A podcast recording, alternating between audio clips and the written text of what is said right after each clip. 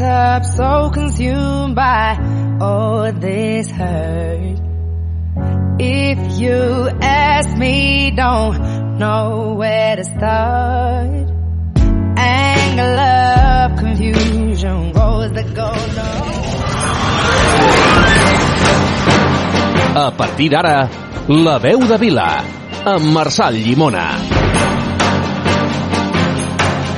Vinga, a les 6, bona tarda, benvinguts, ben tornats a La veu de Vila. Des d'ara i fins a les 7 ens apropem a tu des de qualsevol punt del territori. Aquí trobaràs actualitat, històries i entreteniment. Escolteu La veu de Vila, som a Ràdio Vila, arrenquem.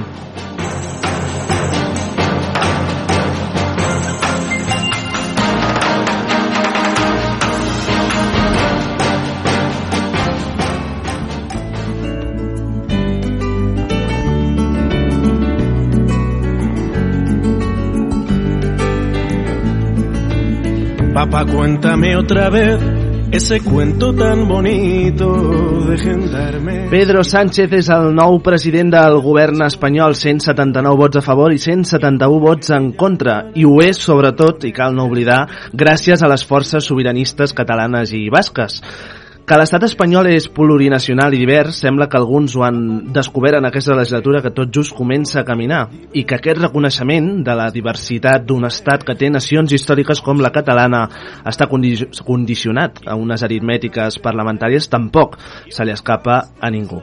De fet, no és casual que just ara que el, el PSOE, el Partit Socialista, necessita tenir garantit el suport de les forces sobiranistes, es reconegui i s'oficialitzi l'ús del català, el basc i el gallec com a llengües oficials de la cambra baixa. Però en tot cas, i sota qualsevol pronòstic, el manual de resistència de Pedro Sánchez torna a guanyar i a fer realitat allò que als carrers a Madrid semblava impossible o il·legítim encara avui.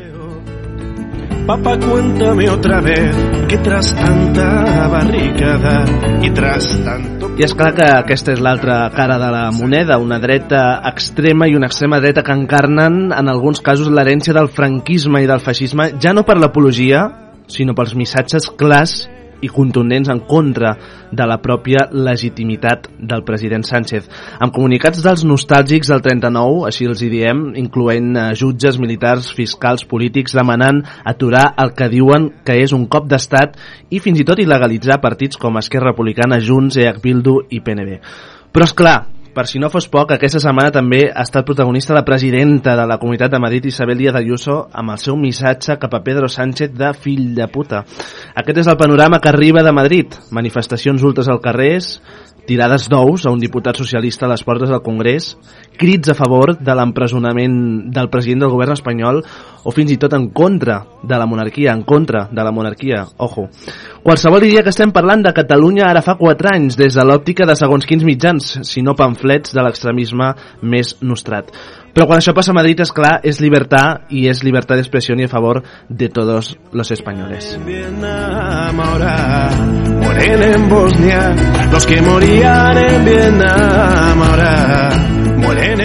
I acabem citant Antonio Machado i amb Ismael Serrano de Fons eh, de permís, dos dels protagonistes també indirectes en aquest debat d'investidura al Congrés dels Diputats, tot llegint aquest poema Hoy es siempre todavía i que diu Hoy es siempre todavía, toda la vida es ahora y ahora es el momento de cumplir las promesas, las promesas que nos hicimos, porque ayer no lo hicimos, porque mañana es tarde, ahora. Divendres, divendres 17 de novembre, això s'acaba, s'acaba l'any, s'acaba el novembre, són les 6 i 5, benvinguts a la veu de Vila. odio igual las hostias siguen cayendo sobre quien habla de más. Y siguen los mismos muertos podridos de crueldad. Ahora mueren en Bosnia los que morían en Vietnam. Ahora mueren en Bosnia los que morían en Vietnam. Ahora mueren en Bosnia los que morían en Vietnam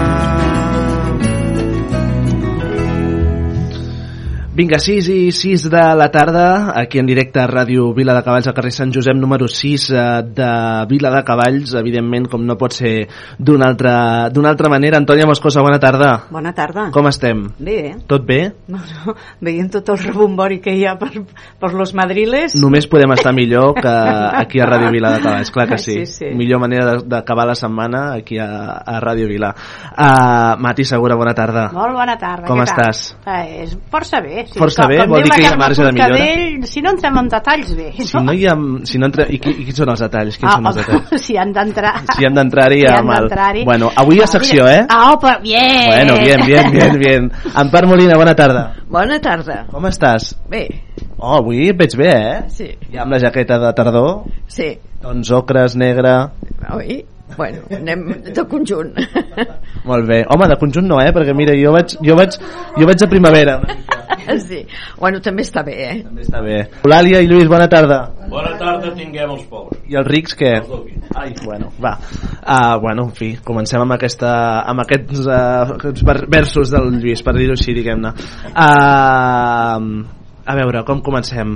La Núria González Rojas sí, es, va, es va assabentar a principis del mes de novembre, per tant ara fa poc, fa 15 dies, de la creació d'un grup de Telegram, aquesta, aquesta aplicació de missatgeria instantània, i el micro que no funciona, eh, de famílies que volen eh, de famílies que volen limitar l'ús dels mòbils a, a secundària eh, per sota dels eh, 16 anys arran d'aquest debat iniciat a nivell doncs, eh, social i que l'agenda pública també ha posat doncs, sobre, sobre la taula.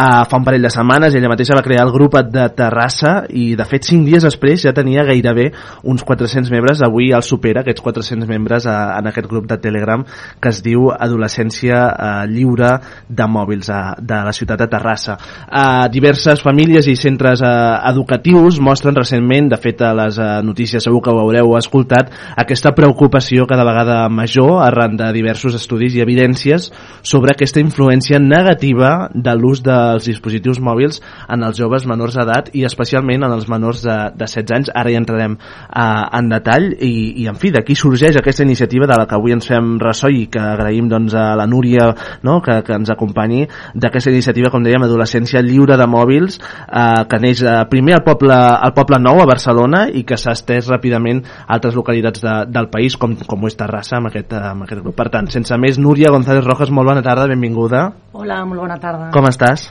Molt bé. La Núria, eh, Núria, a més a més, ets eh, també mare de la Clàudia, que té eh, 11 anys, i el Quim, que en té, en té 6. No sé si ens estan escoltant? Ara jo crec que encara estan al parc, però Vale. amb ganes d'escoltar. doncs una salutació a la, a la Clàudia i al Quim també quan ens escoltin, eh, que serà un plaer. Uh, clar, uh, comencem el debat, no? un debat que també ens interessa doncs, eh, fer-ne molt de ressò i fer, fer difusió doncs, de- d'aquesta doncs, iniciativa no? que neix a partir d'aquesta aquesta agrupació de famílies uh, plantejant aquesta, aquest debat que és el, el mòbil, no? és a dir, comprar-li un mòbil a, a un adolescent o no comprar-li uh, és decisió de, de cada família, evidentment, però uh, moltes vegades no, uh, en aquesta tria els pares us veieu si no obligats, sí que d'alguna manera condicionats a haver de cedir davant aquesta pressió social que gairebé tots els alumnes de, de la classe uh, entenen. Uh, clar, què, què és el que demaneu, uh, Núria? Bueno, al final el que veiem és que el tenir mòbil a partir dels 12 anys, fins i tot abans, s'ha, en certa manera, podríem dir, normalitzat. No? Veiem que, que, que el comú, o sigui, si veiem, per exemple, l'edat mitjana de, de tinença el primer mòbil és fins i tot abans dels 11 anys, i, i bueno, és com aquesta normalitat que ha arribat, és una tecnologia que ha arribat rapidíssim, però no hem tingut temps de pensar com volem fer servir, com l'hem de fer servir, té riscos, té coses molt bones, no? I sobretot en els adolescents que estan encara en formació, eh, en quin moment i com, com l'han de fer servir, no? Aleshores, el que ens trobem és que hi ha pares que veiem pues, que o els nostres fills no estan preparats o que creiem que és molt d'hora perquè tinguin una eina com, com un mòbil amb connexió a internet Uh -huh. eh, ets una mica, o sigui, estàs com pràcticament obligat a comprar-li o serà el nen raro de la classe, no? I, el, i ara hi ha moltes històries, no? arran de que han anat sortint aquests grups doncs de pares que tenen nens un, dos anys, tres anys més grans que diuen m'ha arribat un any tard aquesta iniciativa o m'ha arribat dos anys tard, quina pena jo ja he caigut, no? Molt aquesta Clar. frase jo ja he caigut aquí veia que el meu fill no acaba, la meva filla no acaba d'estar preparat però he acabat caient perquè és, tothom en tenia i és la manera que els nens es comunicaven Mhm. què ens agradaria? Pues que, pues a veure, que qui vulgui comprar el mòbil als seus fills evidentment el compri, Mhm. no?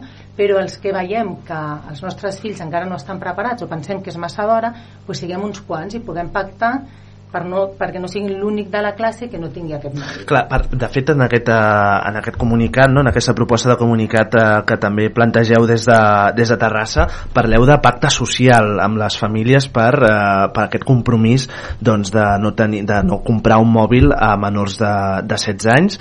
Eh, de fet també hi ha una, un, un estudi que assenyaleu, doncs aquest estudi d'un informe de, de l'UNICEF, Impacto de la Tecnologia en la- l'adolescència de, del 2021, ara fa dos eh, on es apunta doncs, que l'edat mitjana del primer mòbil és, atenció, als 10,96 anys, eh, per, dels quals aquest, eh, aquesta dada no, ja, ja indica una mica per una, per on estem anant, eh, aquests 10 anys de mitjana, eh, i dels quals 94,8%, per, tant gairebé la totalitat són amb una connexió a, a internet, no? Per tant, eh, vosaltres apunteu que s'ha normalitzat aquesta tinença d'un mòbil intel·ligent eh, a l'iniciar els estudis de secundària, no? Per tant, eh, clar, a, aquesta, a, aquest debat també planteja diverses, diversos ítems, no? Que és, eh, entre d'altres, l'oportunitat també que, no? que planteja, com tot, eh, eh, un dispositiu un dispositiu mòbil. Eh, en aquest cas, eh, clar, diguem-ne que la, la, la, la base de tot, diguem que la- l'organització d'aquesta iniciativa eh, ho acull un, un dispositiu mòbil, no?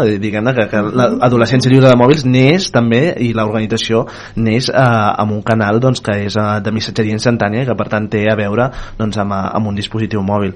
Per tant, diguem-ne que té dues cares, això també que és la, la, els avantatges que també ofereix la tecnologia per organitzar-se, però que també doncs, cal, cal posar sobre la taula aquest debat que té eh, una afectació directa cap, a, cap als menors d'edat. No? Um, Explica'ns una mica aquests estudis no? que, que plantejàvem ara, aquest estudi de, de que l'edat mitjana és de 10 anys. Bueno, eh, UNICEF, això és un, un, un informe del 2021, o sigui, Sí. hauríem de veure ara, i això és amb 40.000 estudiants d'ESO Uh -huh. a Espanya, o sigui, són dades de- d'aquí, no? Sí, sí. Aleshores, hauríem de veure ara el 2023 on estem, eh? però perquè ja hi ha pares que tenen fills de 8, bueno, famílies que tenen fills de 8 anys que ja t'estan dient que hi ha nens a la classe ja que comencen a tenir, Mhm. a tenir mòbil amb connexió a internet, Clar. o sigui que fins tot comença abans, no? però una mica de dades d'aquest estudi que jo les trobo molt impactants és o sigui, un 31,5% d'aquests nens fan servir el mòbil més de 5 hores entre setmana, diàries, i un 50% al cap de setmana, més de 5 hores diàries. O sigui, la, la quantitat d'hores en què es fa servir el mòbil és molt alta. Clar. Eh, el 98 i mi, eh, bueno, pràcticament el 99% Mhm. eh, estan ficats com a mínim en una xarxa social i un 60% accepten desconeguts en xarxes socials amb els riscos que això comporta no? Uh -huh. eh, si mirem a nivell de, de, l'estat de salut d'aquests d'aquests nens no? Mhm. en, en, l'informe diu que han sentit por, angoixa, exclusió, discriminació al, al voltant del 20% dels nens Mhm.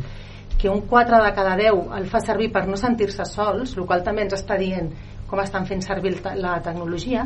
Hi ha un altre informe que, que a mi m'ha impactat molt, que és l'informe Sapiens, que s'acaba de publicar ara, que és eh, un informe amb dades globals, amb, amb dades de nens que, que són tant d'Europa com Amèrica del Nord i Amèrica del Sud, eh, entrevistant a més de 28.000 nens i passant-los una plataforma, ai, una, passant-los una, una enquesta de salut mental i eh, comparant la salut mental d'aquests nens versus l'edat de tinença del primer mòbil o tablet, tauleta no? Uh -huh.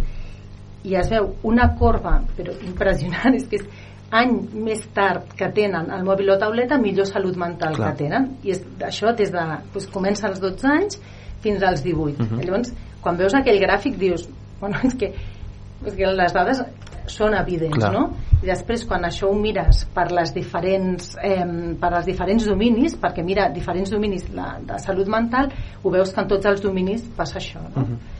Clar, diguem-ne que uh, ara una oient ens, ens fa arribar no? també la seva, la seva experiència que diu que un poble, la municipi, uh, un poble de la, de la comarca de, del Bages, per tant de la Catalunya Central, que ens diu que, que la seva aula, la, la seva filla que en farà 13, 13 anys, que fa segon d'ESO, uh, són uh, 20 uh, nens i nenes a la- l'aula i només són dues nenes, dues nenes que a la classe no tenen, no tenen mòbil. Per tant, d'una classe de 20, no? dues, uh, dues persones, dues nenes, en aquest cas no tenen, no tenen dispositiu mòbil. Per tant, també s'accentua no? aquesta, aquesta pressió social també que, que ja només pateixen els alumnes, que evidentment, sinó també el, els pares, no? en aquest cas.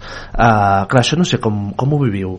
Clar, això és una mica el que volem combatre, no? o és un, un dels punts principals per al que es crea aquesta plataforma. Uh -huh. eh, perquè al final pares, parles amb altres pares és un tema que costa molt de treure, o sigui, tu no vas al parc, quan veus els altres pares li dius, escolta, tu li compraràs mòbil ja o no? Clar. no? És, és incòmode, és un tema... Però quan a vegades ja tens més confiança, on depèn de com, et van dient, bueno, és que jo no li compraria tampoc, jo no ho veig gens clar. Però clar, com tothom li compra, no? I aleshores o com és l'únic que no en té o com ja al final tots queden perquè el que acaba passant és que quan tota la classe en té acaben quedant per les xarxes socials és la seva manera de comunicar-se per tant no tenen una altra o sigui és com que es queden exclosos o sigui, es queden realment exclosos no?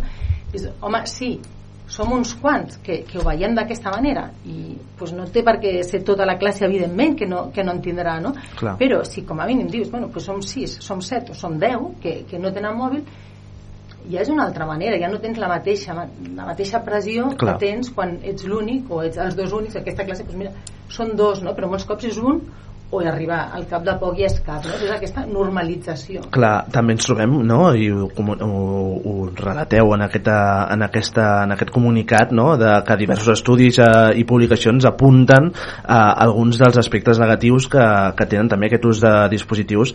Eh, clar, això al final és com tot, eh?, al final una tablet, un dispositiu mòbil, les xarxes socials eh, eh, sempre tenen els seus, eh, els seus pros i els seus contres i, i clar, si, si ho parlem des d'una òptica no adulta, eh, segurament doncs, eh, ho podem debatre amb molta, amb molta raó però clar, en aquest cas amb menors d'edat no? i en aquest cas de menors de 16 anys doncs eh, aquest impacte no? en el seu desenvolupament cognitiu eh, que afecta, doncs ho dieu a la seva salut mental, a la, a la sociabilitat, a l'aprenentatge, a la concentració en el seu descans i autoestima no? eh, i que per tant que a més que possibilita l'accés a continguts inapropiats eh, com ho és també el, el ciberassetjament no? vull dir que aquí hi ha molts ítems a tenir en compte sobre la taula eh, no sé si exactament eh, en què us voleu centrar, en què us voleu concentrar no? en, a, a banda de, de, no? de, la, de, la, de la iniciativa doncs, que, que suposa doncs, aquesta adolescència lliure de mòbils que, que vosaltres mateixos us, us dieu no? Clar, sí, per una banda hi ha o sigui, el tema del pacte, no? de poder Mhm. pactar, Sí. però després creiem que és molt important eh, el crear un, esper un esperit crític no? Mhm. I, i fomentar el debat eh, i començar a pensar bueno, cal que tinguin mòbil o no cal que tinguin mòbil amb xarxes socials o no cal però després, vale, un cop el tenen com l'han de tenir Clar. no? o sigui, torno a l'informe de l'UNICEF L'informe aquest d'UNICEF diu que el 25% de famílies limita d'alguna manera l'ús del mòbil en els, en els estudiants d'ESO. Limitar d'alguna manera pot ser o bé que els hi tenen un número d'hores a la setmana marcats o que tenen un control parental però clar, és que el 75% no tenen cap tipus de límit en, co- en com estan fent servir aquest mòbil i això crec pues, que cal molta educació ha, ha vingut molt ràpid i els pares molts cops no sabem com ho hem de fer per eh, ajudar els nens a fer-lo servir ben fet servir Clar, us sentiu sols en aquest eh, sentit? jo, jo com a mare em sento molt perduda eh? soc, soc patoseta en tot el tema xarxes socials Mhm. o sigui, Telegram el vaig obrir i clar, no parla gairebé de mi no, això, però el vaig obrir arrel d'aquesta iniciativa Sí. jo tenia el WhatsApp eh, amb, bueno, altres xarxes m'hi entenc més o menys, em Ahà. perdo una mica no? en tot això de que et surten coses Clar. que no, no busques m'hi perdo una mica Clar, no? clar, clar. No soc, però bueno, Telegram el vaig obrir just ara no? clar, el, haver de muntar el del control parental eh, que llavors es poden fer la app bòveda que pot saltar-se el control Ahà. a vegades sí, és, és una mica de... Fu, i després amb el tema tot el tema de sexual eh, que, pornogràfic no? que és que ja que ara, sobretot ara he estat aprenent força aquestes dues setmanes que només fa dues setmanes o sigui, al final hi ha empreses buscant els nens o sigui, no són que els nens vagin a buscar la pornografia sinó que hi ha empreses que van a buscar els nens i els hi fan reclams perquè els nens s'hi acabin ficant no? eh, informa també d'UNICEF no? 42% dels nens han, han, han compartit contingut eròtic o sexual. Eh, un 11% han sentit pressió per enviar vídeos o fotos d'ells amb contingut sexual. Un 35% han entrat en webs porno, un 5% a la dark web, que jo clar, o sigui, no sé ni com s'entra, però un 2 de, de, un, dos de cada 10 han quedat amb desconeguts i un de cada 10 han rebut una proposició sexual d'un adult. Aleshores, o sigui, és una, és una part, eh? perquè hi ha tot el tema de la pornografia, hi ha tot el tema de relacions Clar. socials, hi ha tot el tema de l'addicció, o sigui, hi ha molts temes que dius com ho hem de fer i jo crec que hem de, o sigui, el que volem és treballar molt aquest debat, crear, eh, fomentar l'educació amb tot això, treballar tant en, amb la institució com amb les escoles per millorar molt el, com el fem servir, com fem servir aquesta eina. Clar, uh, clar aquí se'm, se'm molts, molts dubtes eh, que, que ara també la Mati li donarem pas perquè, perquè ens, eh, ens pugui ajudar doncs, a, la, a la seva comprensió però, però clar, hi ha, hi ha temes com el, el, el, hi ha coses innegables que és l'augment no, de la digitalització de les societats no? i per tant Mhm. això és evident i que per tant doncs, eh, les eines que ja ho vam veure amb la pandèmia doncs, que un dispositiu mòbil ens podia facilitar a l'hora de comunicar-nos no, amb les relacions doncs, eh, humanes eh, eh, tot i que al final no deixa de ser un complement eh, si és que ho és eh?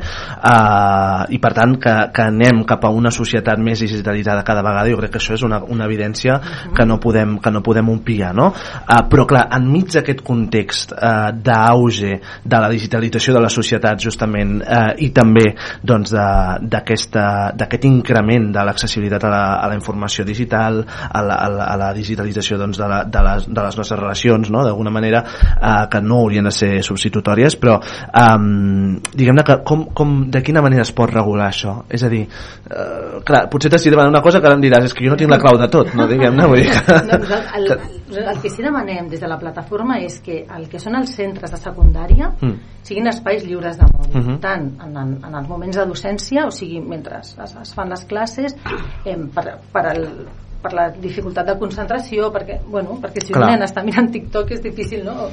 Bueno, si s'estan enviant missatges Clar, per clar, redes, doncs, bueno, eh, però també en el pati perquè, perquè es fomenti la, les relacions Clar. normals, humanes de mirar-se a la cara, parlar perquè això és, o sigui, en certa manera és com que si no ens, ens analfabetitzem de, de la relació normal no? Clar, vosaltres, per exemple, hi ha un consens en relació, per exemple, a la prohibició dels mòbils a, a l'hora del pati? o sigui, a, a nivell de la plataforma sí a nivell, i, i és el que es demana eh? o sigui, de, tenim dos, com a dos grans objectius és aquest, la, la prohibició del, del, de la, dels mòbils Mhm. dintre del centre secundària i el pacte social, aquests són els dos grans objectius després hi hauria més els temes de- d'educació i tot, però els dos Mhm. grans objectius que tenim són aquests, Val. Clar, llavors, uh, per exemple, el mòbil a l'aula a favor o en contra?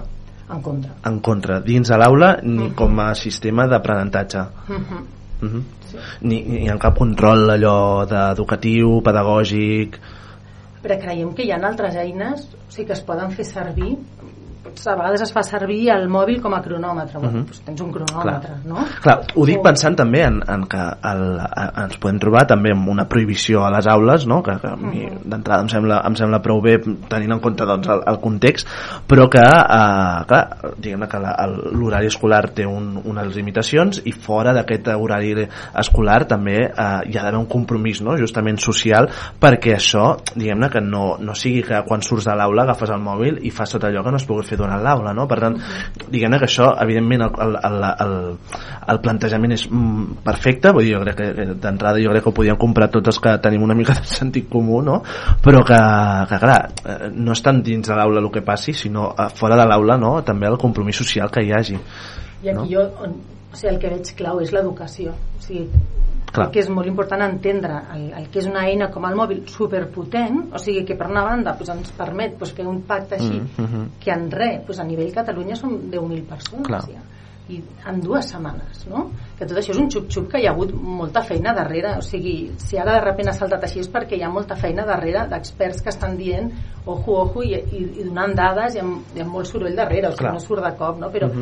o sigui, el, la possibilitat de connectar així persones és brutal i això ens ho ha donat Sí, sí, sí, no? sí. per tant té coses molt bones però és com ho fem servir, com també com a adults, com fem servir, com ens assegurem de que no ens passem d'hores d'estar a la pantalla, com atenem els nens. Estem, quan estem amb els nens estem tota l'estona amb un Clar, mòbil davant, clar. que a vegades ens passa. Clar, o sigui, de fet, la- vas a un restaurant i segurament tots tenim la imatge gravada del típic, Mm. no?, de la típica família de quatre i que els pares de, donen a un mòbil perquè no molestin, entre cometes molestin, no?, a, doncs a les tertúlies familiars, diguem-ne, no? I, i això Clar. és molt habitual, malauradament, no?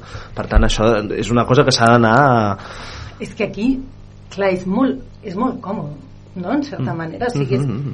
o molt fàcil, no? En el moment Sí, en sí. què tu dones un, una pantalla a un nen, el nen desapareix, però clar, el nen, no sé, una mica és com que deixa de ser nen, no? O sigui, deixa de fer les coses que, que li toquen com a nen. Clar, a vegades en un restaurant és molt fàcil, no? O hi ha situacions on hi ha vegades que potser és molt útil i dius, bueno, doncs una estona en aquest moment ho necessito i, i necessito fer una altra cosa però hem de ser conscients si, si aquest necessito és que hem deixat d'atendre el nen no? o deixem d'estar per ells o de jugar amb ells llavors ja, tot això ja és una altra porta que s'obre que és com fem servir les pantalles amb els menors o sigui, ja, ja va més enllà de l'adolescència Mhm. no? I, i que crec que és un debat que també com a societat és molt necessari que tinguem Mati, a veure, com podem... Uh, com, quines eines tenim a l'abast per, O sigui, eines? per afrontar-ho, Clar, primer eh, hem de tenir en compte que el mòbil, o sigui, no és una moda com ara juguem a, a determinat joc, no? Ara jugué, passa una temporada i passa. No, no, és que el mòbil és un canvi molt gran en, en la manera de comunicar. Per tant, necessitem regular-ho. Eh, perquè no canviarà, o sigui, no deixarem de tenir mòbils. Clar, a prohibir el mòbil a les aules és que a mi en aquests moments em semblaria que hauria d'haver una legislació. Clar, perquè és que el mòbil no desapareixerà. Ara, ara què els demanaria? O sigui, jo us demanaria un impossible, perquè prou feina teniu amb el que esteu fent, només faltaria. Però hem de tenir en compte eh, que tot això que has dit als adolescents, que se senten sols, que accepten a, a, a desconeguts, que comparteixen material eròtic, que no es miren a la cara, això ho fem els adults clar, mm, això, Clar, ho, final no això estem mirall, fent eh, no sé a- això ho estem fent els adults. Clar. després eh, el- l'estudi aquell que deies és alarmant, eh? però mm, matitzem és un estudi correlacional, no és de causa què vol dir? que l'únic que veiem és que el mòbil dona això, però no vol dir que el mòbil sigui el causant clar, per fer aquest estudi ben fet que hauríem d'haver fet una cosa que és totalment impossible no? eh, agafar un grup de nens o de nois de 14 anys amb unes condicions socioeconòmiques efectives similars i un altre grup de nens de 14 anys amb unes condicions socioeconòmiques efectives similars, uns amb mòbil i l'altre no, i d'aquí 3 o 4 anys veure què passa això és impossible clar, eh, s'entén no? però que em refereixo que és un estudi correlacional no? i que, eh, clar, sempre dic què hauríem de fer? anar més enllà que prou de feina teniu, vull dir que és impossible però eh, quan jo, jo parlo una mica de la meva no, mostra no? la soledat eh, potser avui en dia és la, mm, el que més et demanda la gent se sent sol i, i les xarxes estan aquí Eh, de fet, eh, fa molts anys recordo a Catalunya Ràdio, que encara m'ho recorden que vaig dir, això serà addictiu té, té, o sigui, Mm. té tots els components per, per, Fa, per, fa quants anys? Fa quants anys? pues mira, era l'any, vaig sortir com a neologisme, va, va, vaig dir la primera paraula que la llegir, xatejar. Devia ser el 2000, jo diria que era el 2008, o així, 2008. no? Dius, ostres, és que això Clar, però quan... té tot tornar-se addictiu, Clar, o sigui... per, perdona que et talli, Mati, clar, quan parles de soledat, clar, sempre vinculant-ho al, al sector més, no? Adolescència, no? Mm. No sé si això és extrapolable, no? De la mateixa manera que sí que es pot extrapolar segurament a, al, al que és doncs, a la, a, a la Sí, etapa que- adulta, no? I gent sí gran. que és, home, Sí? no és- extrapolable per què? perquè No, vull dir que no hi ha potser tants casos com si n'hi ha, no ho sé, desconec, eh? Sí, el que passa que, clar, que com a pares ens preocupem de, de, dels fills, no?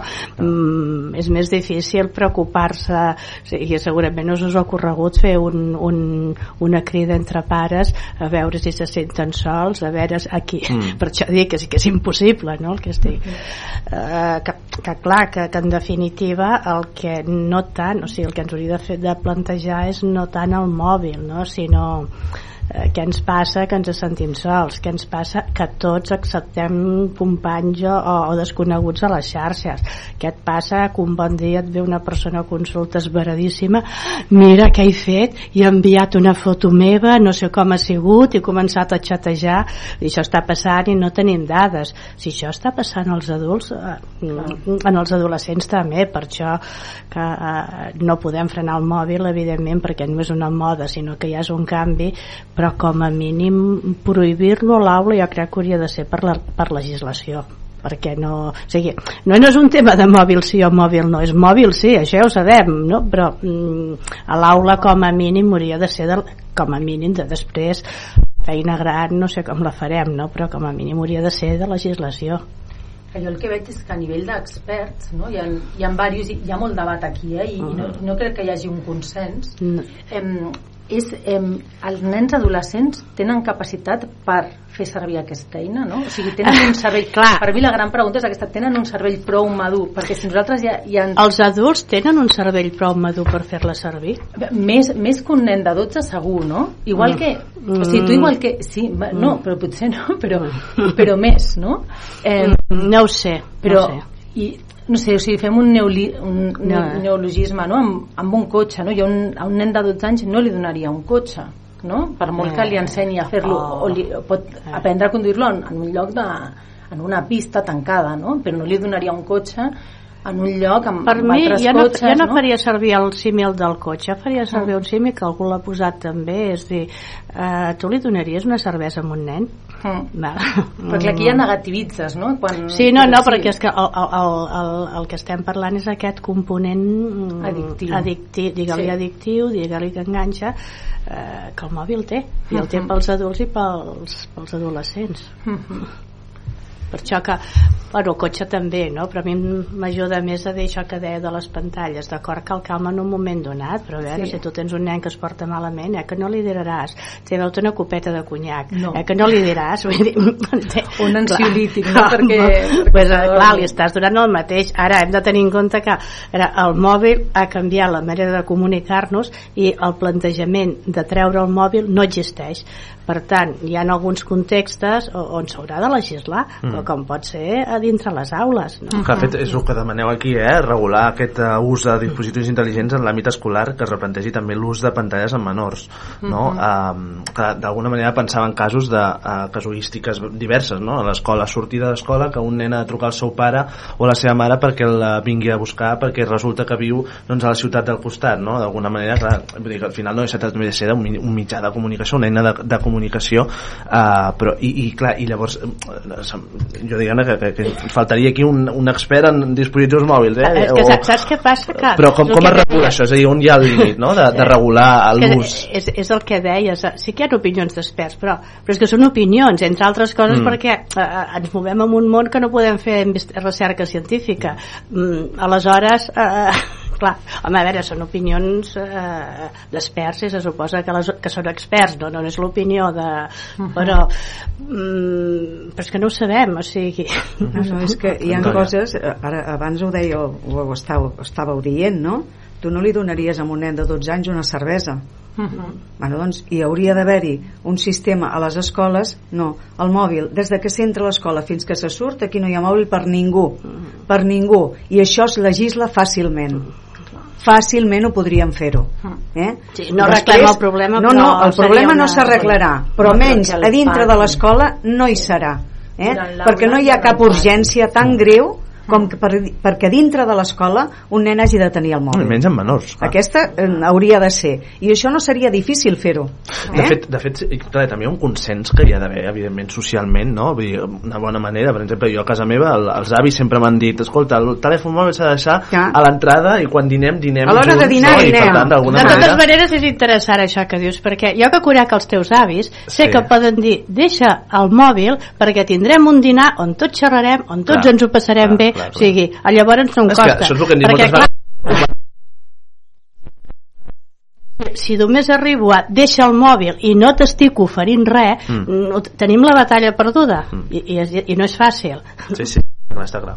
No, no, és, és difícil, però hauríem de, de, de saber tenir una mica de mà. Clar, que la, la gràcia és, bueno, la gràcia és, clar. no és deixar el mòbil a l'hora de dinar, és què fem per, per passar-nos-ho bé tot, i això, i això potser és lo, lo difícil, això és Però el que ens és costa a tots. llavors sigui, et clar, trobes, que el que deia abans, et trobes i vas a un restaurant i et trobes una família que està el pare i la mare dinant tranquil·lament. I nens de dos i tres anys amb el seu mòbil, cada un, Tampoc. i mentre ells dinen, doncs ells estan en allà, perquè estan tranquils els pares. Doncs bueno, poder no hauríem d'estar tan tranquils, no, però bueno, també eh? suposo perquè els fills no es tenen només per tenir de, de, de, de, de fer maco. Els fills tenen unes conseqüències i una feina Mm. que l'has d'assumir quan ja tens aquest fill, eh? Si tu no ets prou conscient de que tens un fill i l'has d'educar, eh, apaga i vámonos.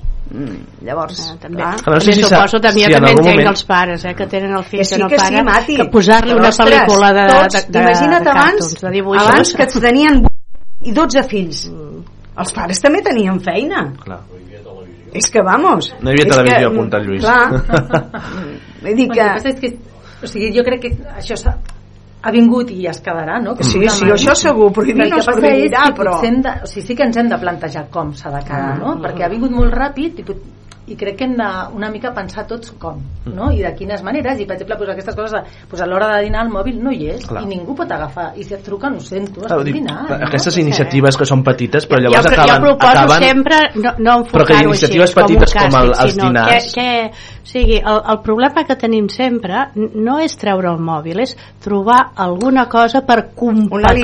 per això, per això dic, eh? O sigui, perquè, clar, si ens fem deixar no, estem tots aquí serios i enfadats, ostres, Clar. ho tenim molt difícil. No, però que són- són justament d'acord, D'acord, és difícil, eh? petites iniciatives no? que llavors in, acaben incentivant a que la- que l'objectiu que és mm, fora de l'aula no, vull dir que mòbils fora de l'aula doncs acabin doncs, tenint més èxit perquè clar, eh, si a la- si l'aula no es prohibeix el mòbil però fora de l'aula diguem-ne que la permissivitat és absoluta vull dir, hi ha bon acompanyament d'aquestes clar, si li dic que deixa el mòbil i resulta que el pare i la mare es posen a parlar de, del, de la, del debat d'investidura del Pedro Sánchez, doncs... no, clar, clar. Està, està. Sí, sí. Bueno, també és interessant, eh? també és interessant, dir, són temes que al final jo, jo Sí, crescut però- amb sobretaules parlant de temes que, que, que, que vaja, no tenen res a veure amb quan tenia 8 anys, però és que em semblava No. temps, Sí, però tu, que ja, la teva família sí, però mm, no totes les famílies s'ha de saber generar, s'ha de saber generar. El que sí pot passar molts cops és que, el, Que que, que els pares estiguin al, mo- amb el clar. mòbil a la taula. Ah, sí, sí, clar, que, clar. que això és el que ens passa I clar, i, perquè, no? i els pares estan al mòbil a la taula perquè també s'avorreixen parlant. Clar, Val? Doncs, clar, mm, però això passa. Però amb això que has dit d'una alternativa, sí que hi ha escoles que al treure el mòbil en el pati han buscat alternatives, no? Hi ha diverses... I és, i, i és I està difícil, ho entenc, ja, però s'ha de però fer. han buscat alternatives una mica però que diries, bueno, si és el que hem fet tota la vida hem anat al pati sense res, però ara bueno és una mica com que hem de tornar a trobar-nos en aquest, Mm. o saber com, com estar-hi no? perquè ens hem, ens hem desacostumat Clar, a, a, a, a si no existeix, no existeix, però resu- resulta que existeix. I, i, i Mm. clar, i això el que dius, quan els pares estan amb el mòbil, doncs mm, que la pregunta que ens hauríem de fer és com és que tens més ganes d'estar xatejant amb el mòbil que de parlar amb mi. Mm. Que no sé si en algun moment s'ha dimitit ja no de fer de pare o de mare no? sinó de, de fer les funcions vaja, de, de criança, de pedagogia no? vull dir que al final hi ha una sensació que, que, que bueno, en fi, de, de, té el mòbil i, i no molestis no? Vull dir abans a l'hora de dormir cantaves ara no, ara posen el d'allò, la cançó aquí al mòbil i ja està, canta tu canta una mica el teu fill. Estic a... clar que tots teníem son bueno, nosaltres no em treballàvem. a mi no em deixen cantar. Jo he treballat tota la vida també i també hi, ha, hi havia hores, dies que eren les 12 de la nit i encara estava cantant. Sí, sí. perquè s'adormís clar, Mm. també m'hagués pogut agafar i sortir. Tot té un esforç. Això, no, a la vida això. tot té un esforç doncs bueno mm, si volem tot que sigui tan còmode que tot sigui tan maco, que tot sigui tan bo doncs bueno, doncs llavors no, no, tinguem volem, fills no, no, ja, ja ho sé el que Home. passa que a veure, les persones som com som i no com jo voldria que fossin no? Bé, bé, a favor. i, i, sí I, i és veritat, i, i quan alguna cosa és fàcil, la fem i punt. I això no és ni una crítica, ni senzillament és així. I, i si volem arreglar-ho, eh, que no ho arreglarem, però sí, ho hem de tenir en compte. Spoilers. No? Va, 6 i 38 de la tarda acabem aquesta tertúlia eh, amb, amb la Carme que acaba d'arribar. passa, passa. A veure, primer li diem bona tarda, Carme, bona tarda. Bona tarda. Estàs bé? Bé, molt bé. Fa fred al carrer? No, no massa. No massa. Per ser 19 de novembre no massa. No, Escolta, fa Ampar, ai, perdona. Ampar, com ho has vist això? Bueno, jo ho veig des de fa molt ja, que aquest problema pues, al principi no, potser no vam calcular que pogués arribar a l'extrem on ha arribat. Ah, Llavors, el que passa és que els pares també han delegat una mica les funcions d'educadors. I es busca una mica la, esclar, jo també ho entenc vas cansat, tens problemes i els, els nanos a vegades pues, et, et fan molta nosa. Però però és la teva obligació i nosaltres assumíem aquesta obligació. I ara això sembla que s'ha relaxat molt jo no diré que els pares vulguin cap mal als seus fills, al contrari però inconscientment sí que li estan fent mal perquè l'educació que reben ara no és la que haurien de rebre. Els nens jo tinc entès que hasta nens de 8 anys eh, estan connectats amb, amb, amb aquestes línies porno. És que això és, és, és desastrós. Això eh, eh, a on ens portarà això si no hi posem una mica de, de, de medis perquè parin Què et sembla la iniciativa de- d'adolescència lliure de mòbils? adolescència lliure de mòbil Estàs a favor? jo sí. porno i contingut violent eh? que a vegades Sí, ens, també, ens, ens, ens, ens, obri, ens oblidem Exacte. del contingut no violent oblidem la violència eh? perquè eh, ja s'està veient en els adolescents aquestes bat- baralles que tenen i entre ells i en el col·legi no Això abans passava? Sí, clar, sempre hi ha passava, hagut jo, he, jo, he, jo he, pat, he patit bullying quan era petita eh? i no en un col·legi amb dos es veu que em, vi, em veien venir devia fer cara de tonta o de No sé. massa llesta sí, O de massa llesta, també, és veritat. però ho passes malament i en aquell moment jo no tenia comunicació amb, amb casa meva la, la meva mare ja tenia prou feina i prou mal de caps i jo m'ho callava, m'ho passava jo. Però no, no hauria de ser així. Els pares han d'estar una mica al tanto de lo que, de lo que, de lo que senten i lo que, dels problemes perquè sembla que una criatura no hagi de tenir problemes i no és veritat. Tots en la nostra edat a cada, a cada edat té, té els seus problemes i la comunicació és imprescindible quan no hi ha comunicació és el que passa i ara la comunicació la tenim però no és la que, la que hauríem de tenir és Diferent, ha canviat. comunicats però Ha evolucionat. evolucionat i la... esclar, tot això són adelantos de la ciència i de la tècnica que dius, mira quines coses que són, són eines útils que són eines que, que, que són útils però s'han de, de ser han de saber-se fer-se servir per lo que serveixen no per, per lo que està, estem veient ara que és per, per deteriorar l'educació i, i, i, bueno, i portar a, jo penso que també ha de ser per llei ha de ser per llei, ha de ser llegis, legislatiu perquè si no no ens, no ens en sortirem Núria, ja ho veus, se'ns gira feina, eh? Sí. Lluís, tu com ho veus? Jo, malament. Jo, en primer lloc, la canalla, a- a- els que han nascut fins ara ja, ja s'han nats, però els que haurien de néixer a partir d'ara haurien de néixer amb tres mans, perquè una ja la necessiten pel cony del mòbil. Només tenen una mà lliure. O no? Ah? Ja. Una altra cosa que ha dit l'Empart, lo de la pornografia, que la canalla avui dia, 8 anys, saben més que, que el bisbe de Roma. Eh? Entre poc i massa. Nosaltres, jo parlo per mi, a la, a la meva edat, la majoria arribaves a casar-te i de la meitat de la missa no sabia res, perquè tot, collons, no podies fotre res perquè tot era pecat. M'acabo un cony. O no? Aviam. Eh? Tot era pecat. Eh? En canvi ara, doncs, escolta, eh, entre poc i massa les coses, eh, ni tanto ni tampoco, oi? Però allò, allò era un extrem. Era un extrem ja, això. I ara ens hem anat just a l'altre, però, però molt... molt Se'ns ha... sí, se'ns ha anat a les mans, això. Gràcies. Uh, Núria uh, i companyia, moltíssimes gràcies per venir aquesta tarda aquí. No sé si volíeu acabar de dir alguna cosa. I bueno, aquí seguim i Uh, pa- si algú, a, a veure, això, aconseguit alguna Molts cosa. ànims, eh? Si I els felicitar, I felicitar. allò de si algú ens està escoltant, algun pare, alguna mare que volgués adherir-se, que volgués eh, allò afegir-se en aquest grup de Terrassa, de, no? Uh, a on ho podem, a on ho poden trobar? Doncs a les xarxes, en, amb el mòbil, no? Amb... Al Telegram eh, tenim tant un canal com un grup que és eh, Terrassa Adolescència Lliure de Mòbils eh, també estem a Instagram eh, igual, amb Terrassa Adolescència Lliure de Mòbils Mhm. i també tenim un blog amb, amb el mateix nom també hi ha el grup de Catalunya eh, que si poses Adolescència Lliure de Mòbils i no, i no ho fixes a Terrassa entres en tot el grup de Catalunya Perfecte. Doncs això, Terrassa lliure de mòbils i si no... Uh, adu- Ai, Terrassa lliure de mòbils, no, Terrassa, adolescència lliure de mòbils i si no, doncs adolescència lliure de mòbils a, a nivell, a nivell de, de Catalunya. Núria, Sí, comentar que aquest dijous tindrem la primera assemblea vale? per bueno, fer, començar a parlar del pacte i veure com, com seguim endavant. Perfecte, doncs ho seguirem de prop, molta sort, molta força, aquests pares i mares organitzats i, en fi, que hi hagi sort que guanyem tots. Gràcies. Moltíssimes gràcies. Merci, fins ara.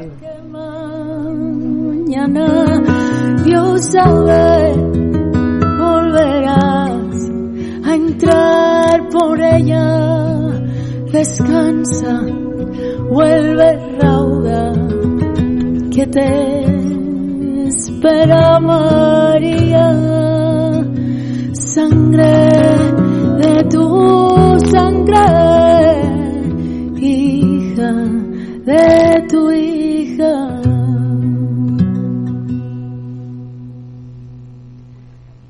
Venga a cuidar de tu nieta incondicional. Nadie se te asemeja tu forma de amar. A cuidar de la, ni la niña de la casa. Pues a linda y hermosa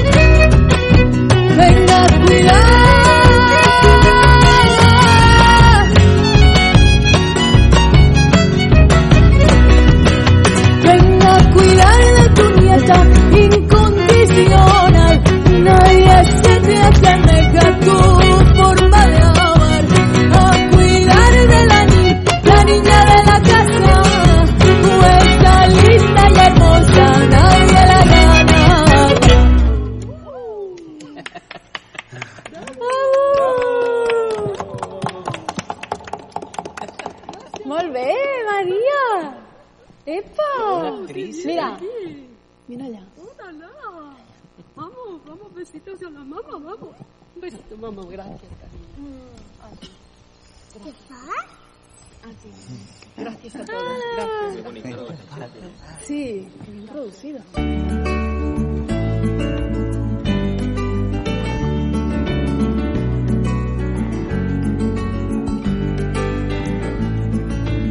Papá, cuéntame otra vez ese cuento tan bonito de gendarmes y fascistas y estudiantes con flequillo y dulce guerrilla urbana en pantalones de campana y canciones de los Rolling y niñas en minifalda. Papá, cuéntame otra vez. Va, 7 i 49 de la tarda d'aquest divendres, divendres 17 de novembre, eh, ho fem perquè si no després ens renyen eh, una abraçada i una salutació al Joaquim, que ens escolta des de casa, als meus avis, que són uns fans incondicionals i que no dormen les nits, eh, les tardes a divendres, no fan siesta perquè ens escolten, que l'altre dia m'ho van dir, i em sembla meravellós. Eh, per tant, una abraçada eh, i a tothom, tota la bona gent que ens estigui escoltant d'aquest divendres, divendres 17, des de qualsevol punt, des del carrer, des del Zara, des del Mango, des de, des de casa, des del sofà, des del llit, des, des on sigui. Eh? Per tant, una abraçada a tothom. Uh, esteu bé, al públic? Sí. sí? Bueno. Bueno, si no entrem en detalls, eh, que diu la Mati. Va, a la teva, recuperem aquesta secció... I ara, perquè... la Mati ve amb ganes de xerrar avui. Va, sí. endavant, endavant. Uh, a veure, avui parlarem de... Ens ha escrit un oient que, que em diu que està separada des de fa bastant temps, té dos fills, ja, ja adults, Uh, el que passa que sempre hi ha sigut molt conflictiva la relació dels fills amb el pare. Diu que mentre estaven en parella ell anava fent de barrera, però, però que ara li preocupa molt com això els pot afectar. Uh, què ha passat ara? Que el pare es casa amb una nova parella i els hi va demanar que fessin de testimonis, però resulta que després, paral·lelament, també els hi van demanar un altre i ara els hi diu, doncs ara no, no? Dir que són comportaments que i, i a, a la nostra oient que, que ens diu que ara està en una relació de parella, eh, que està estable, que està bé, doncs li pregunta eh, com ho pot afectar. Avui hem parlat amb la psicòloga Carme Gamell, que ens ha enviat el... A veure, ara escoltarem el que ens ha dit.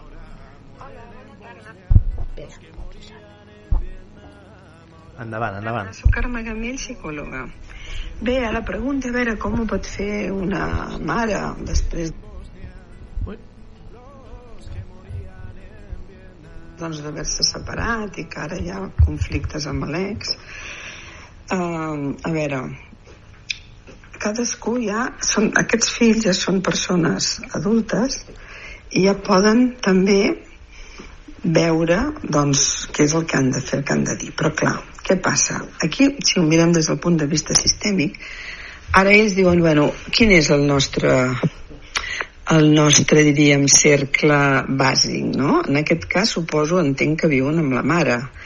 És molt important que ells se sentin còmodes aquí, que sentin que, que estan, doncs, mm, en el seu cercle familiar.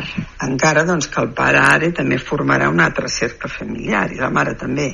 Clar, en aquest cas, jo entenc que els fills a vegades estan momentàniament de dir on pertany jo realment, però amb la llei natural sempre pertanyen els pares amb els pares biològics i tal. El que passa que han format nous cercles. Clar, això ja és una mica més conflictiu. El que passa que mm, sobre les lleis naturals són aquestes. I si el pare, segons em diuen, no està molt amb els fills mai, doncs bé, en aquest cas del casament, si ells veuen que ha fet no, que no se'ls ha donat, diríem, el lloc, no? perquè aquí amb la, amb la sistèmica parlem dels llocs naturals. Ens han de preguntar, què passa, papa? Per què, per què doncs, no ens vols? Per què no, no vols que fem nosaltres a testimonis, aquestes coses? La mare pateix, és clar que pateix, però en aquest cas ja no s'hi ha de posar, o sigui, és com que ells ja han de fer de persones adultes. Ara la mare ha de mirar que els fills estiguin bé en aquest nou cercle que ha creat donar-los tot el suport i donar-los les eines als fills perquè ells eh, madurin i a vegades la vida doncs, es troben en, que no té, no té esta color de rosa i, i bueno mm, una mica això donar-los les eines amb ells perquè eh, puguin parlar amb el pare si creuen que és necessari que es puguin expressar i acceptar el que passi bé, no sé si us he ajudat molt, però almenys una mica és la meva visió. Moltes gràcies. Doncs, bé, eh, doncs hem vist un tema que ens porten moltes, moltes vegades, noves relacions, eh, aquí podríem treure també alguna conclusió, sobretot eh, a les mares, que, que arriba un moment que hem d'admetre que els nostres fills es fan grans i, i, i patim, patim evidentment, però també hem d'acceptar les seves decisions i que tindran les seves frustracions i que igual que ens anem sortint nosaltres doncs ells també també se'n sortiran de totes maneres o sigui, les mares sempre serem un lloc de protecció mm. i tant molt a favor, molt a favor un que, que sempre el tindrem no? jo, uh -huh. jo sempre dic eh, que des del moment que et quedes embarassada t'ha fotut la tranquil·litat de, en l'aire de per vida perquè sempre, mm, sempre hi ha és per un lligam de no? per vida és, és eh? un lligam no? és un contracte, jo crec que és el contracte més gran que pot signar una persona i en aquest cas una, una dona no? Sí, és que eh, et quedes embarassada i és ai, ai, ai, l'embaràs, ai, ai, ai, el part, ai, ai, que estigui bé, ai, ai, ai, ai, l'adolescència, com hem vist fa un I moment. a més que hi ha moltes I maternitats. sempre. De fet, aquí, no sé si recordeu, el mes d'abril vam entrevistar Sí, la, la- Míriam Moró, la Míriam Moró, no? sí. de Gironella, aquella Sí. noia, 19 anys, es va quedar embarassada, Mm. que, Eh. va, que ai, ai, ai, què fem, què fem, i mira, i ara Mhm. està fantàsticament. Sí, sí, I sí. És oient del programa, per cert. Sí, sí, exacte. I, I, a més a més anem fidelitzant. Aquesta, és això, no? de que des del moment que et quedes embarassada la teva vida mai més serà tranquil·la al 100%. Per tant, això ho hem d'assumir i hem de, de ser feliços, no? que diuen del cordó umbilical que tallen quan neixen, no és cert No, no, es, no es talla mai Mhm. De totes maneres, eh, com, com podem veure, o sigui, és un tema recurrent, no?, de, als fills, no?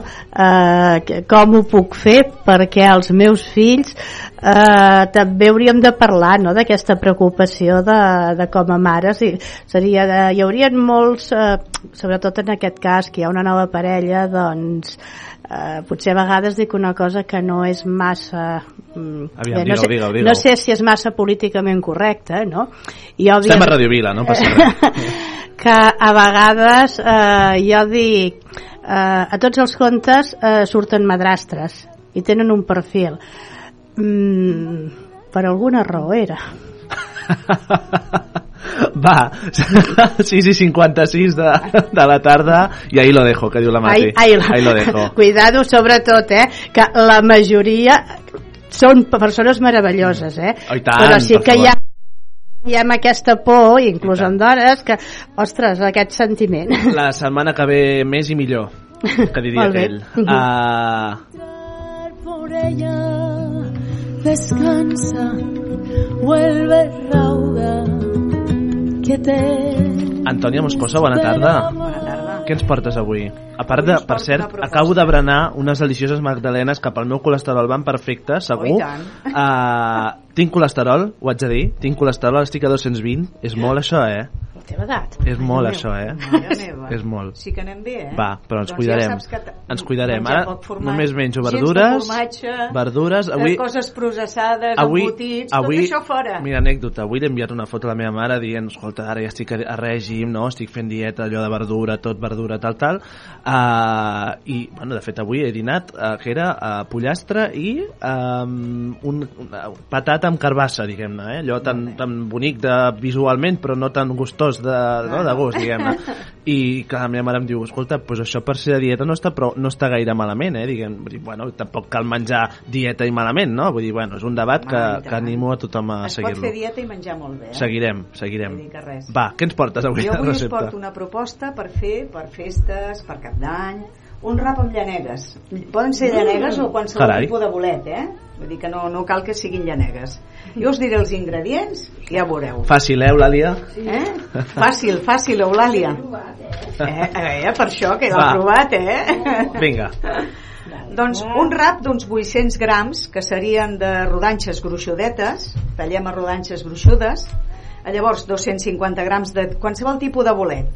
Una ceba, 50 centilitros de conyac, un tomàquet, una llesca de pa, 10 ametlles torrades, un all, julivert, brou de peix, oli, sal, pebre i una mica de farina. I amb això podem fer. Explico com l'heu de fer. Eh? Es fregeix el rap lleugerament, enfarinat, i es posa en una cassola.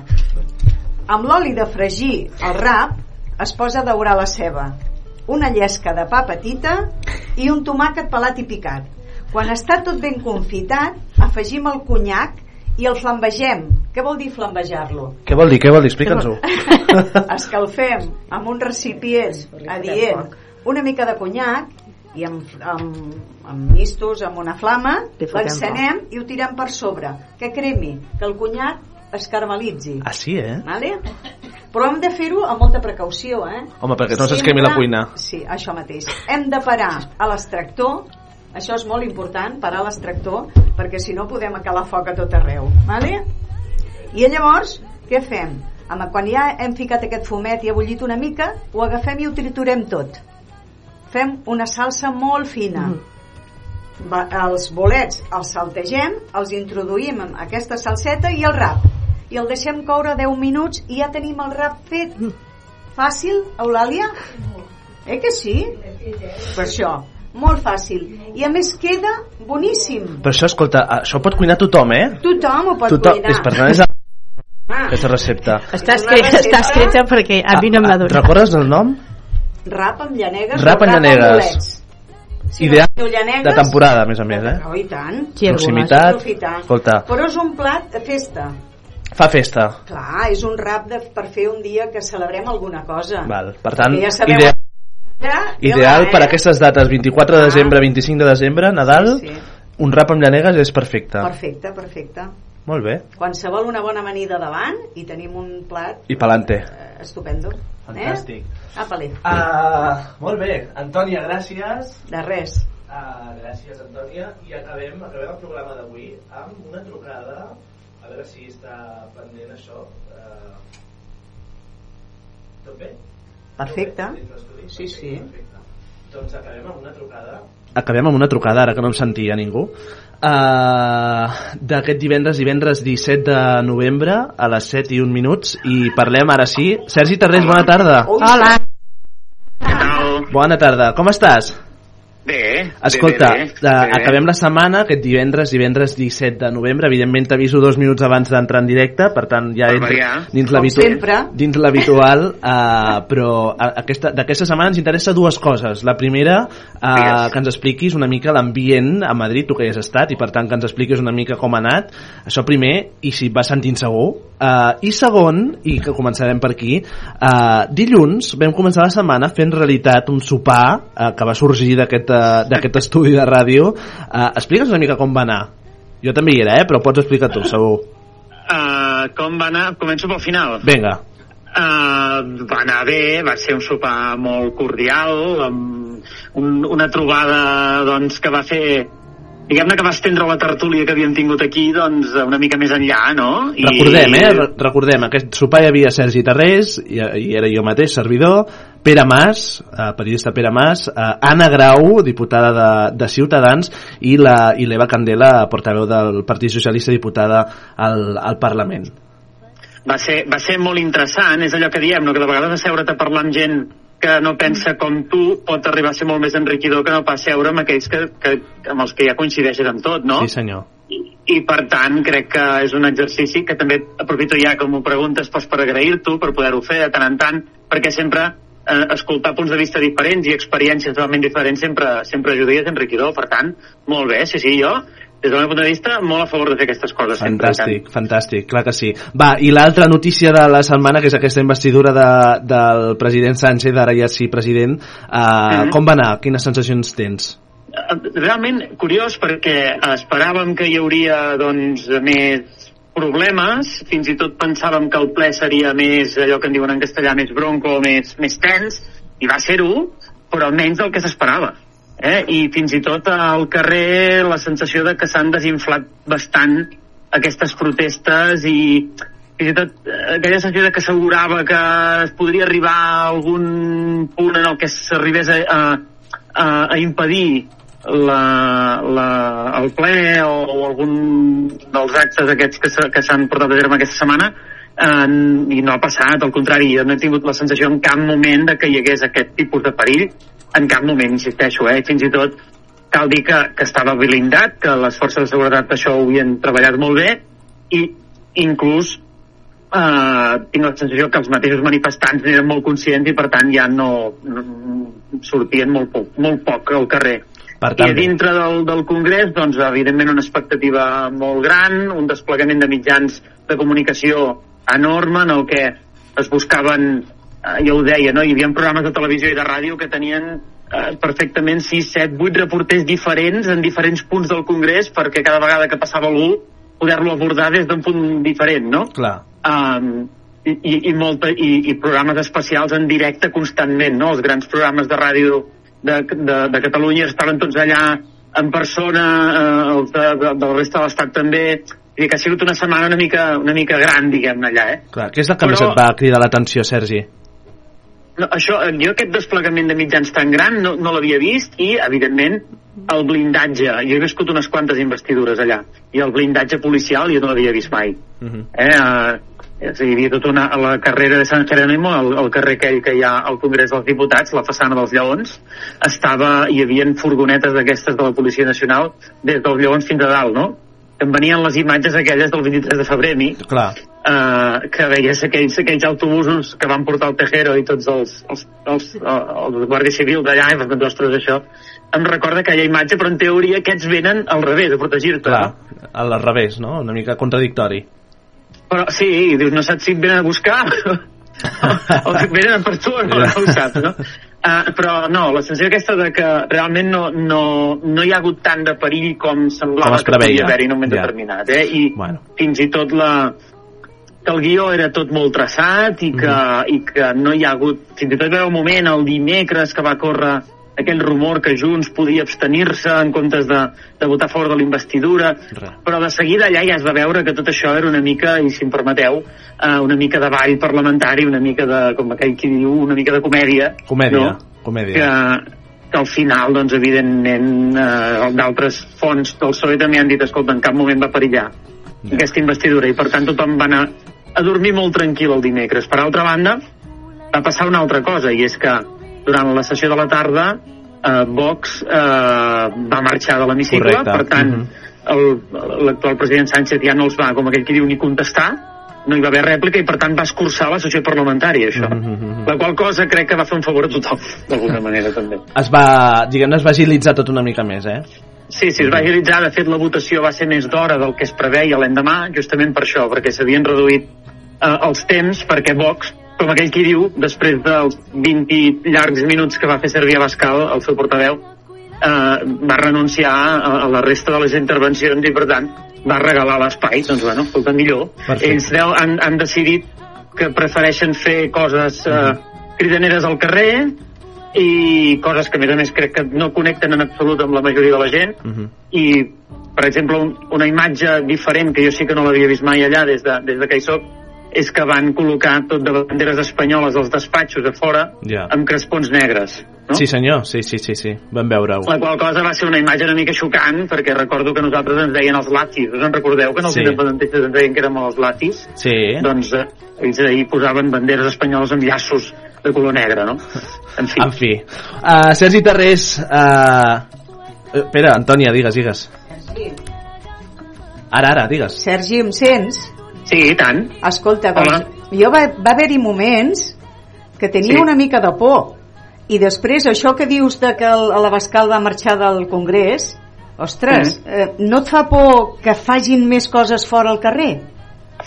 I, jo crec, Antònia, hola, eh, perdona, que, que no estigui aquí, però No. saludo des de, des de la llunyania, no estic gaire lluny. Però On ets, on ets, aviat- Sergi? On ets? No, no, ara mateix sóc a Vic, jo, o sigui que no estic tan lluny, però aviat Perfecte. ens veurem segur. Segur que sí. Um, no, això que preguntes, Antònia, sí, eh, i jo crec que ells han arribat a la conclusió que l'única manera que tenen de sobresortir una mica és fer aquestes coses al carrer, Mhm. ara mateix. I, i intentar arrossegar el PP cap a aquestes posicions una mica més radicals, però no ho sé si se'n sortiran gaire. La veritat és que crec que no els està funcionant gaire bé, això. Sergi Terrés, seguim. Vinga, va, gràcies Va, per tot. una abraçada, bon cap de setmana. Una abraçada, que vagi molt bé. Gràcies. Antònia, ja ho has vist, Ja, ja. ja ho has vist. Però a mi em fan una mica de por aquests, Uh, eh? ho seguirem de prop, ho seguirem de prop. Ostres. Eh, sí, Ràpid? Sí.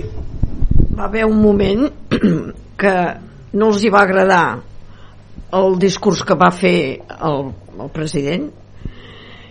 I es van reunir els de Junts que semblava que la cosa no estava eh, això que ha dit Però, Empar, això és una mica de teatre, eh? Dic jo amb el Sergi, eh?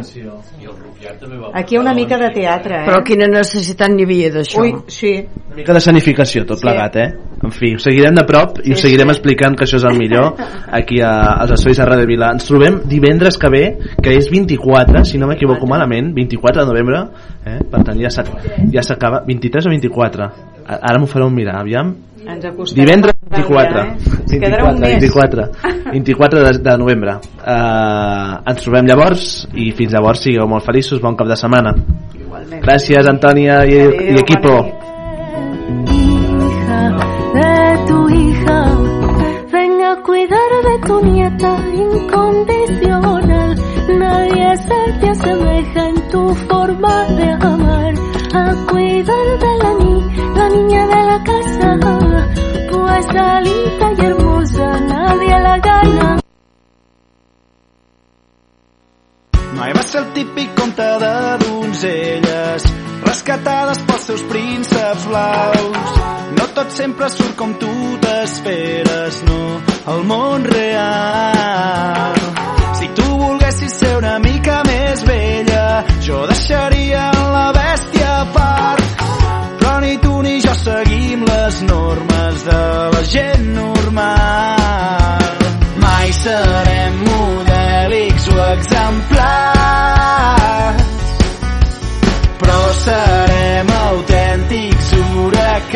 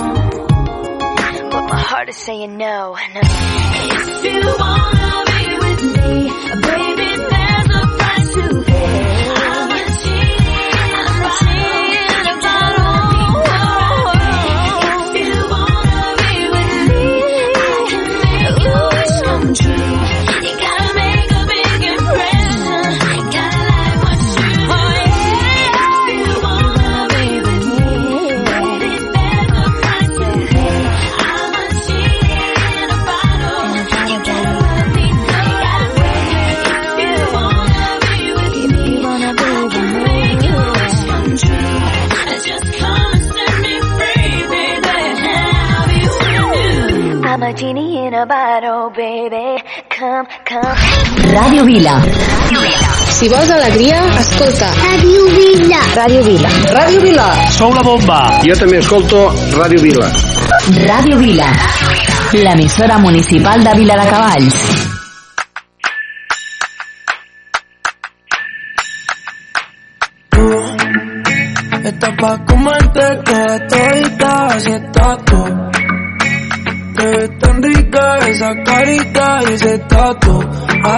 Hace que la nota nunca se baje, no se vuelta nada si estás tú. Yo no sé ni qué hacer cuando estoy cerca de ti. Tus ojos color café se apoderaron de mí. Muero por un beso de esos que no son de amigos. Me di cuenta que por esa sonrisa yo vivo. Cuando cae la noche, siempre me tira. Le digo los planes y si la busco de una se activa. Tráete la ropa si tarde se acaba el party. Yo te dejo un ladito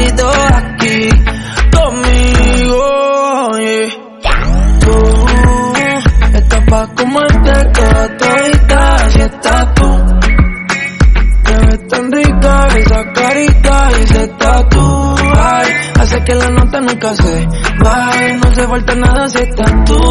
Eh, Tú estás pa' comerte toda todita, así estás tú. Te ves tan rica esa carita y ese tatu. Ay, hace que la nota nunca se baje, no se falta nada si estás No se falta nada,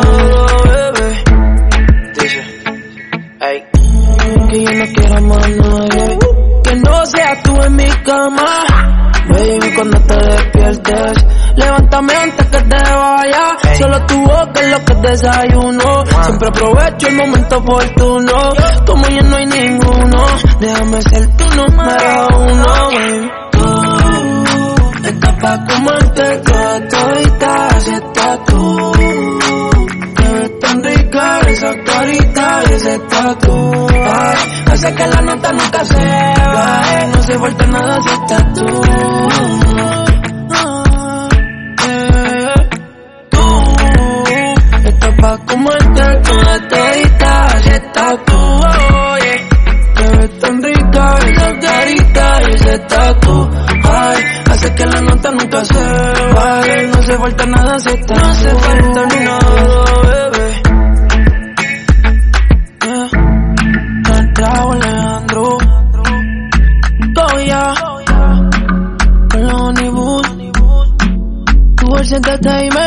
time. Mr. Nice Guy.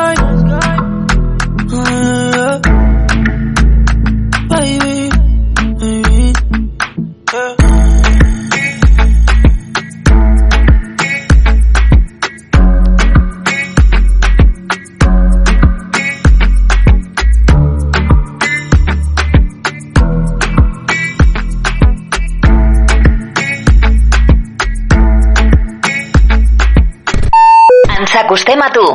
Ràdio Vila.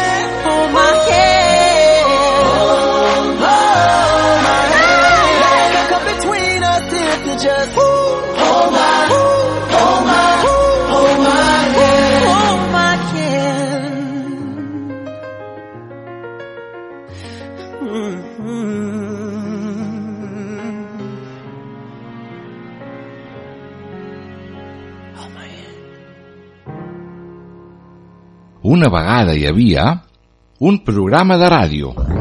Ei, que t'estic parlant de la Moixiganga! Un programa pels més petits de la casa. Amb Sir Petit, Miro la meva bola. Andreu Cistella, el Pauet, Aquí són què fer? contes de microbis, La desfilada dels microbis. posem fil a la poesia, viatgem pel món, els contes del Pep, jocs de falda i les nostres cançons. Li diré a la meva mare. La moixiganga! Un programa presentat per Moisès Bru. La Moixiganga! Veus quina gràcia! Cada dimecres a dos quarts de nou del vespre, a Ràdio Vila. Obre la porta del cel, les paraules volen. Només amb tu. Només amb tu. Quedat mirant com respirava i he tornat a ser com aquell nen. Ha sortit el sol mentre parlàvem i hem aconseguit que pari el temps. He rigut com mai havia pensat. M'he sentit allò més desitjat. Hem jugat a ser interessants passat mil hores a aquell bar. Només amb tu els dies són més fàcils.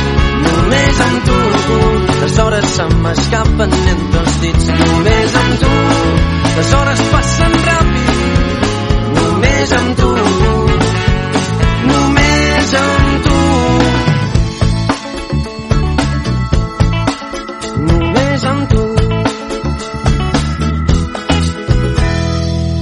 he sapigut el que pensava. L'he estimat desmesuradament. Creu-me, no fan falta les paraules. Hi ha silencis que et fan més valent. Només amb tu els dies són més fàcils. Només amb tu les hores se m'escapen entre els dits. Només amb tu les hores passen ràpid.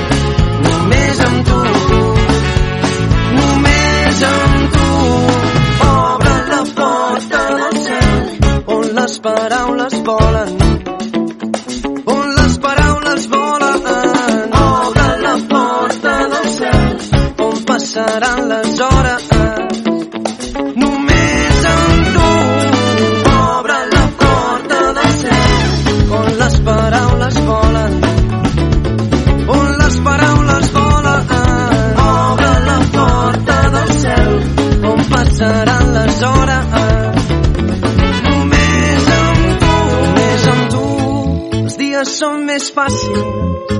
Només amb tu, les hores se m'escapen entre els dits. Només amb tu, les hores passen ràpid. Només amb tu,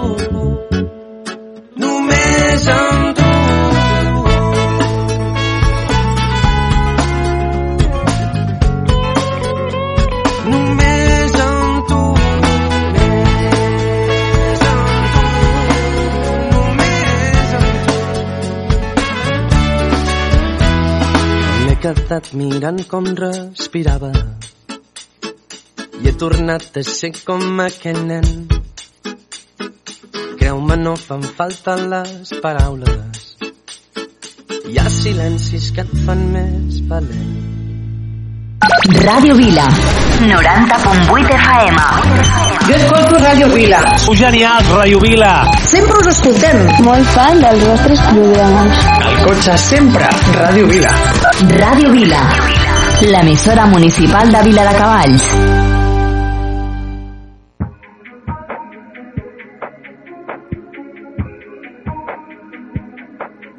I'm on an island Even when you're close Can't take the silence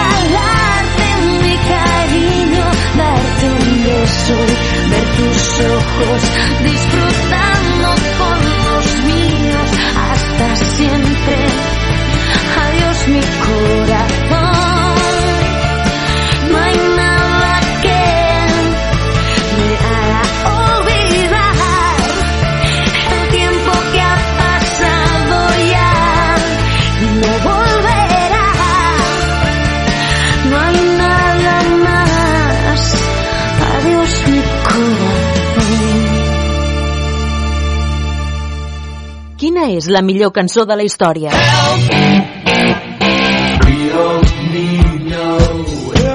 Descobreixo a Rock and Classics. A Rock and Classics podràs fer un autèntic viatge en el temps i redescobrir els grans èxits de cada dècada, els millors discos, les cançons més famoses, la història dels artistes més emblemàtics amb referència al context social de cada època. Hey, Sau, ACDC, Beatles, Boris, Loquillo, Bob Dylan, tots els estils més punxats s'uneixen a Rock and Classics. T'espero el dissabte, a les 6 de la tarda, a Ràdio Vila. Rock and Classics, amb Esteve Llop.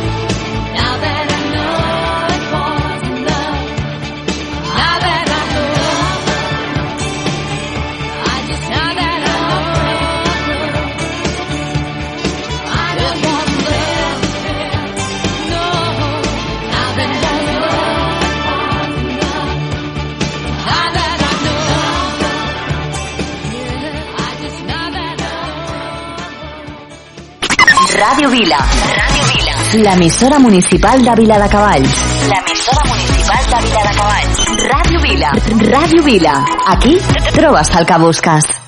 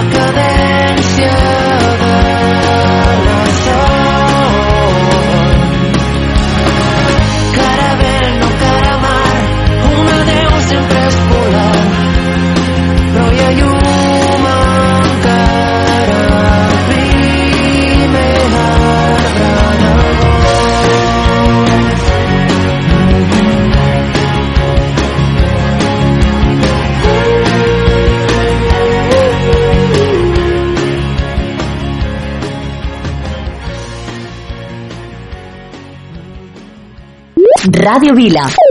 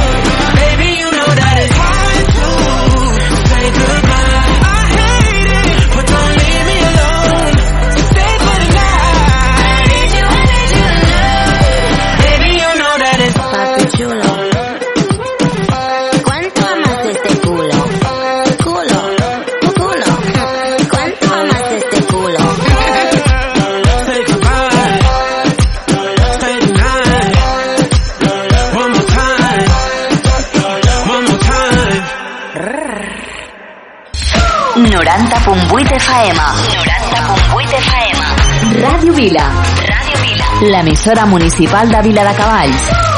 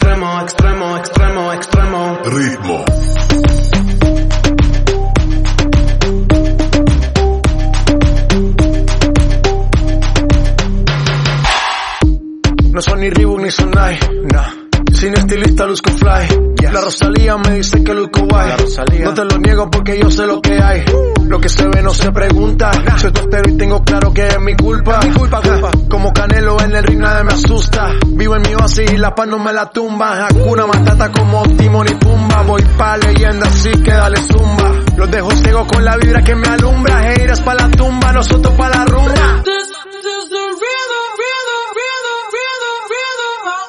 Toda la noche rompemos, al otro día volvemos. Tú sabes cómo lo hacemos, baby. Baby, tonight's like fuego. We bout to spend the dinero. We party to the extremo, baby. This is the rhythm of the night. Toda la noche rompemos, al otro día volvemos. Oh, Tú sabes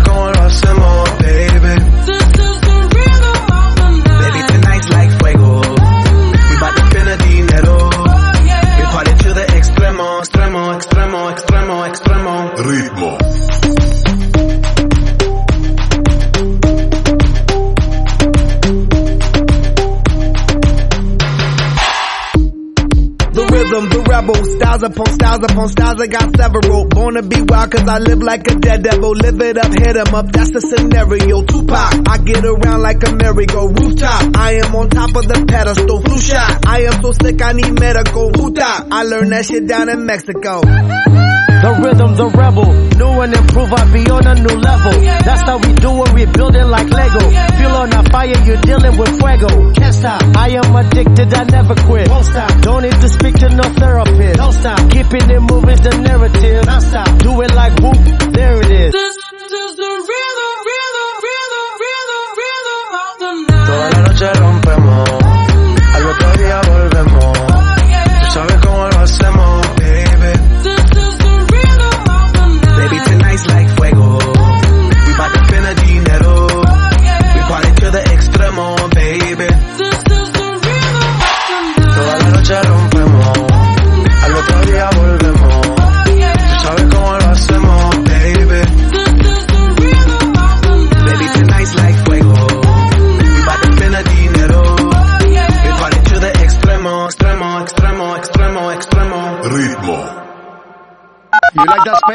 Ritmo. You like that space? Ràdio Vila.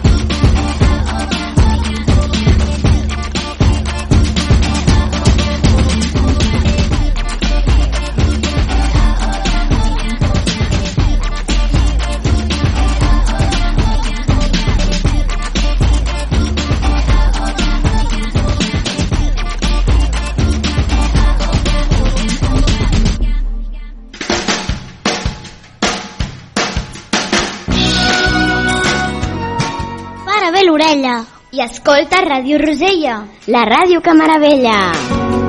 Oh my god! Cada diumenge a les 10. Ràdio Vila, l'emissora municipal de Vila de Cavalls.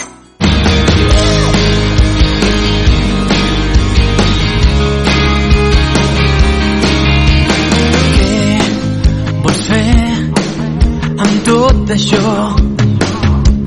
Sé que no és fàcil vendades i flors. Sé molt bé quin és el camí que hem de seguir. El que porta lluny d'aquí.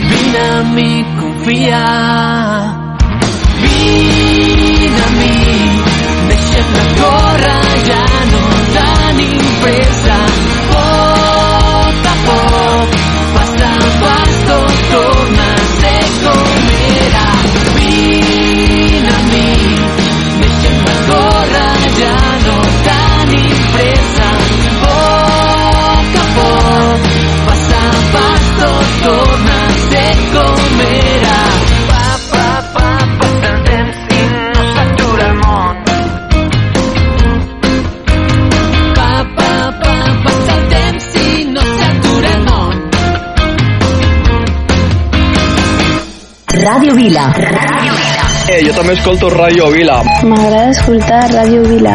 Jo també escolto Ràdio Vila. M'agraden els vostres programes i m'agrada la música que poseu. Ràdio Vila. L'emissora municipal de Vila de Cavalls.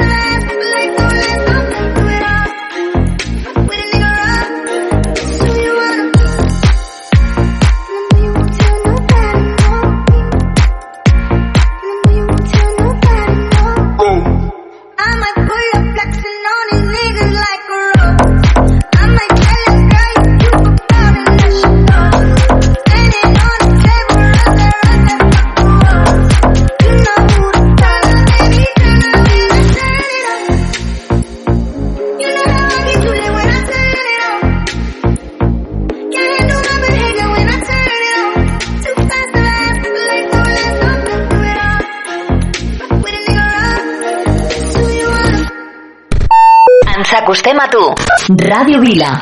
Otra vez en la comisura de tu boca. Otra vez en la travesura de tu piel. Otra vez en mi cama quiero verte